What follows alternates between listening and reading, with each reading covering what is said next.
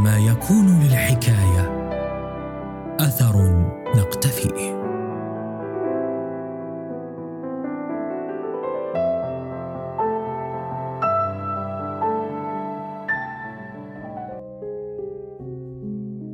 أهلا وسهلا بكم مستمعينا الأكارم أينما تكونوا. وها نحن نلتقي وإياكم في حلقة جديدة من حلقات برنامج آثار.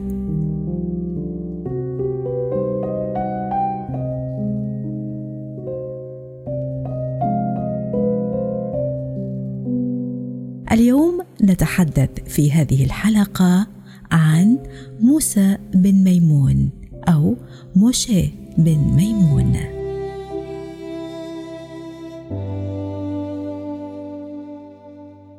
هو موسى بن ميمون بن عبد الله القرطبي عاش من 1135 إلى 1204 يرمز له في العبرية برمبم أي الحاخام موشي بن ميمون. واشتهر عند العرب بالرئيس موسى. ولد في قرطبة ببلاد الأندلس في القرن الثاني عشر الميلادي.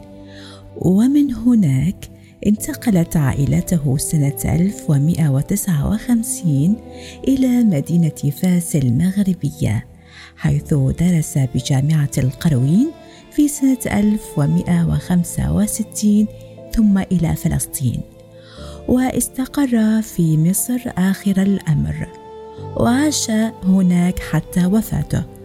عمل في مصر نقيبا للطائفة اليهودية وطبيبا لبلاد الوزير الفاضل أو السلطان صلاح الدين الأيوبي. وعمل طبيبا لدى ابنه الملك الأفضل علي.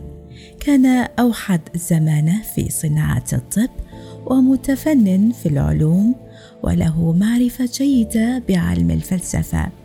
يوجد معبد باسمه في حارة اليهود بالقاهرة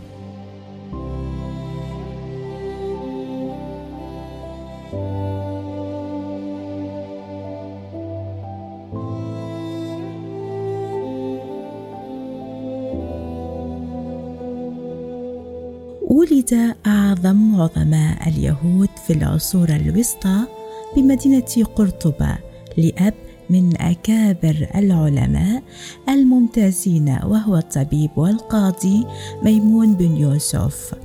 وكان من الأقوال المأثورة بين اليهود قولهم لم يظهر رجل كموسى من أيام موسى إلى موسى وقد عرف بين الناس باسم موسى بن ميمون.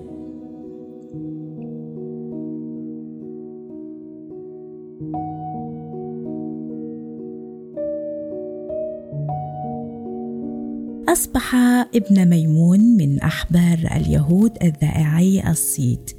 جمعت الحروف الأولى من لقبه واسمه فصارت رميم وعبر العالم المسيحي عن أبوته بتسميته ميمونيتس. أعماله في فترة العمل المتواصل التي أقامها بالقاهرة ألف معظم كتبه. ومن هذه المؤلفات عشر كتب في الطب باللغة العربية. نقل فيها آراء أبقراط وجالينوس والرازي وابن سينا. وقد اختصر في كتاب الأمثال الطبية كتاب جالينوس إلى ألف وخمسمائة عبارة قصيرة تشمل كل فرع من فروع الطب.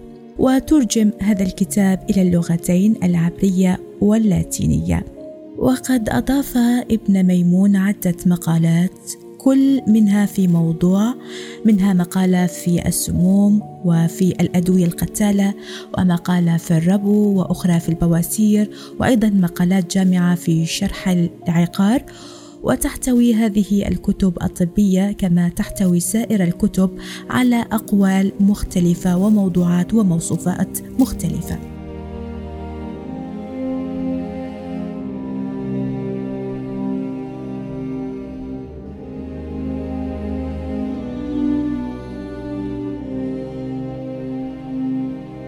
وأيضا من ضمن نصائحه قد حذر الناس من كثرة الطعام بقوله أن المعدة يجب أن لا تنتفخ وكان يظن أن الخمر تفيد الصحة إذا شربت باعتدال. وأيضا نصح بدرس الفلسفة ودراسة الفلسفة لأنها تدرب على الاتزان العقلي والخلقي وعلى الهدوء. وهما الصفتان اللتان تؤديان إلى صحة الجسم وطول العمر وله الكثير من النتاجات المختلفة في مجالات متوسعه سنأتي على ذكرها في الحلقة القادمة. شكرا لحسن الإصغاء ودمتم في أمان وسلام. أثر.